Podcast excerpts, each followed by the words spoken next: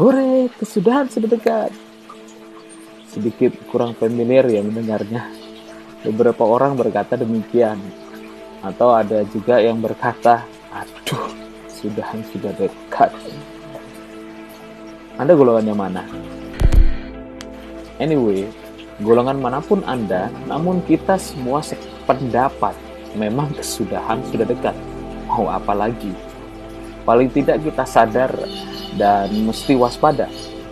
Karena yang menjadi permasalahan adalah kita siap atau tidak menghadapi hal tersebut. Tahukah Anda ada dua macam kesudahan menurut pemandangan manusia? Yang pertama adalah kematian, atau orang biasa menyebutnya ajal, atau juga sering dikatakan tutup usia. Dan yang kedua, yang dimaksud dengan kesudahan adalah kedatangan Kristus yang kedua kali kalau kita berandai-andai dan suatu ketika Anda mendengar orang berbicara bahwa kesudahan sudah dekat, menurut Anda apa yang akan menjadi reaksi Anda? Saya mencoba membantu Anda untuk menjawab ya. Mungkin reaksi Anda adalah takut, bisa jadi cemas, mungkin juga mengalihkan pembicaraan ketika mendengar hal tersebut. Atau acuh tak acuh mungkin atau justru anda malah bersuka cita mendengarnya. Pengertian kita dan pemahaman kita tentang siapa kita dan di mana posisi kita adalah dengan kita bercermin pada kebenaran firman.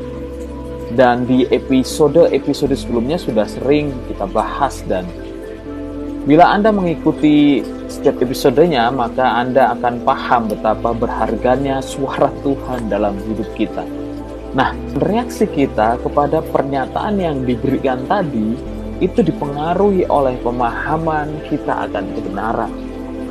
Saya tidak membahas ketakutan atau kekhawatiran Anda atau justru malah sukacita Anda, namun biarkan firman sendiri yang berbicara pada hati Anda. Yang mesti kita paham adalah apa yang firman Tuhan katakan untuk kita Mari kita baca dalam Wahyu 17 ayat 14. Wahyu 17 ayat 14 mengatakan, mereka akan berperang melawan anak domba, tetapi anak domba akan mengalahkan mereka. Tetapi anak domba akan mengalahkan mereka, karena ia adalah tuan di atas segala tuan dan raja di atas segala raja. Mereka bersama-sama dengan dia juga akan menang yaitu mereka yang terpanggil, yang telah dipilih, dan yang setia. Ada dua kelompok yang kita bisa tahu dari ayat ini. Yang pertama adalah kelompok orang-orang yang tidak percaya musuh kebenaran dan iblis. Dan kelompok yang kedua adalah anak domba, yaitu Tuhan Yesus sendiri serta seluruh pengikutnya. Jika Anda membaca secara lengkap, maka Anda akan tahu bahwa suatu saat akan terjadi perang besar antara kedua kelompok ini. Dan secara singkat sudah dijelaskan bahwa Tuhan Yesus dan pengikutnya akan memenangkan pertempuran ini. Namun sekarang pertanyaannya adalah di manakah posisi Anda ketika hal ini terjadi?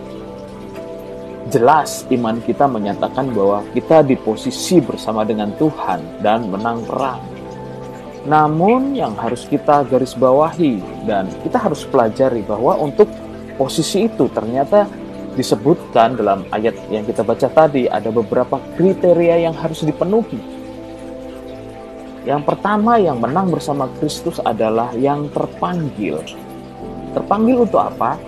Terpanggil untuk mengerjakan kehendak Allah, terpanggil untuk memahami maksud dan tujuan Allah di dalam hidup mereka. Dan itu yang masuk dalam kriteria orang yang menang. Dan yang kedua adalah yang telah dipilih. Yang telah dipilih. Siapa yang dipilih? Mari kita baca untuk menguatkan 1 Petrus 2 ayat 9. Dikatakan di situ bahwa tetapi kamulah bangsa yang terpilih, imamat yang rajani. Saya ulangin, tapi kamulah bangsa yang terpilih, imamat yang rajani, bangsa yang kudus, umat kepunyaan Allah sendiri, supaya kamu memberitakan perbuatan-perbuatan yang besar dari Dia yang telah memanggil kamu keluar dari kegelapan kepada terangnya yang ajaib.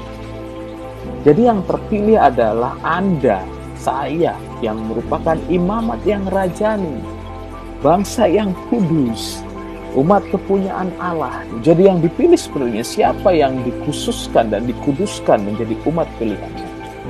Itulah yang dipilih Tuhan dan dengan tujuan untuk memberitakan kebesaran Allah dan untuk menjadi saksi bahwa karena panggilan Allah kita keluar dari kegelapan dan sekarang kita tinggal di dalam terang Tuhan. Dan kriteria yang ketiga adalah setia. Ya, Setia dengan simpel dapat diartikan adalah mengiring sampai akhir, mengikut sampai akhir. Batasannya adalah kapan? Batasannya adalah sampai selesai.